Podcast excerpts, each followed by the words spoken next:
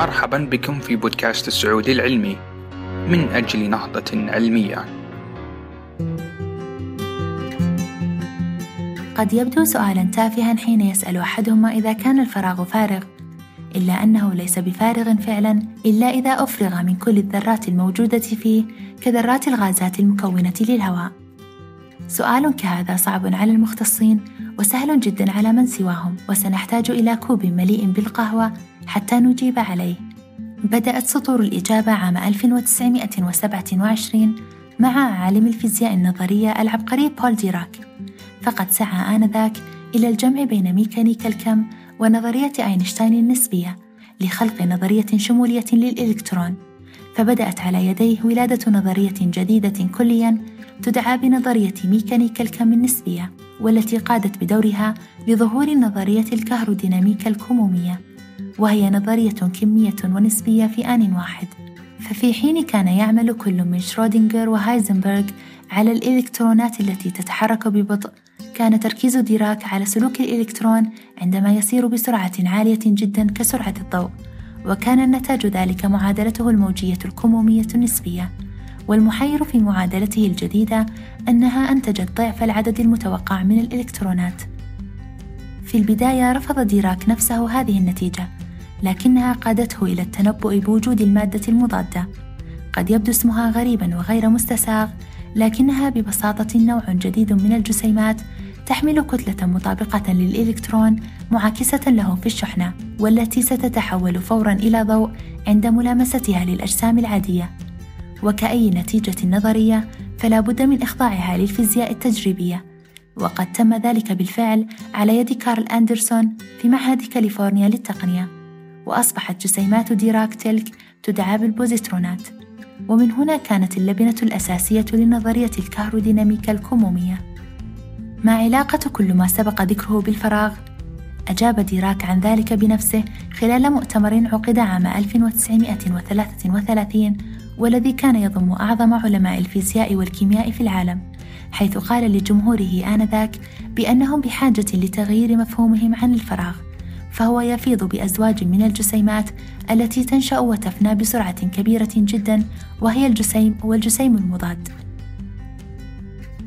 بعد ذلك وفي أواخر عام 1940 تم تطوير نظرية الكهروديناميكا الكمومية على يد ثلاثة علماء بشكل مستقل عن بعضهم البعض.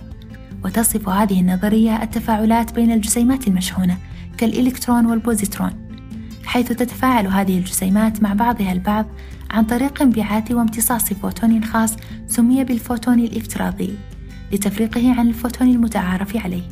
فمثلا إذا كانت تلك الشحنتان تتجاذب فيما بينهما فمن المفترض أن يكون هناك ناقل يذهب ويعود بين الشحنتين مسببا تجاذبهما وذلك بحسب النموذج القياسي للفيزياء. وهذا الناقل هو الفوتون الافتراضي.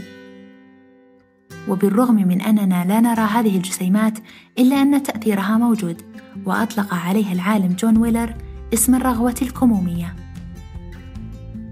ما سبق كان بحاجة إلى إثبات تجريبي وهذا ما قام به العالم هنريك كازمير عندما كان يدرس قوى فان دير فالس على استقرار الغرويات عام 1948 حيث قام بوضع لوحين معدنيين مفصولين بمسافة صغيرة جدا مقدارها ميكرومتر واحد ووضعهما في مكان مفرغ من الذرات. وكانت المفاجأة أن اللوحين تجاذبا وكان سبب ذلك رغم أن المكان فارغ هو الرغوة الكمومية. كل هذه النظريات على سطح الأرض. فماذا عن الفضاء؟ الرغوة الكمومية ما هي إلا إحدى المحاولات لدمج النسبية العامة ونظرية الجاذبية مع ميكانيكا الكم. فقوة الجاذبية بحسب تفسير أينشتاين انحناء وتشوه في نسيج الزمكان والتي تسببها كتل الأجسام الكبيرة أي أن الفضاء ليس فارغا تماما. أما ميكانيكا الكم فتنظر إلى أن تلك الجسيمات تتواجد في كل مكان وحتى في الزمكان.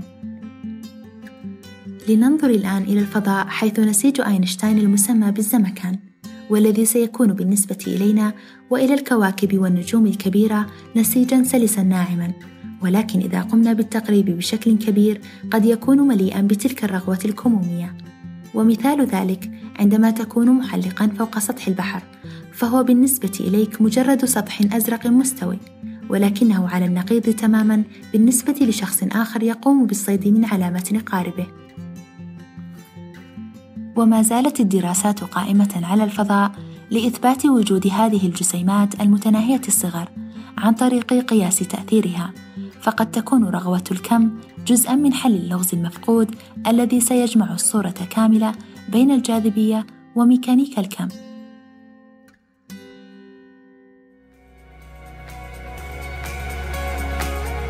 هذا البودكاست من إنتاج مجموعة السعودي العلمي. إعداد لميا أحمد بن إبراهيم تقديم زكي السيد ونوف حمدان. إنتاج فاطمة محمد.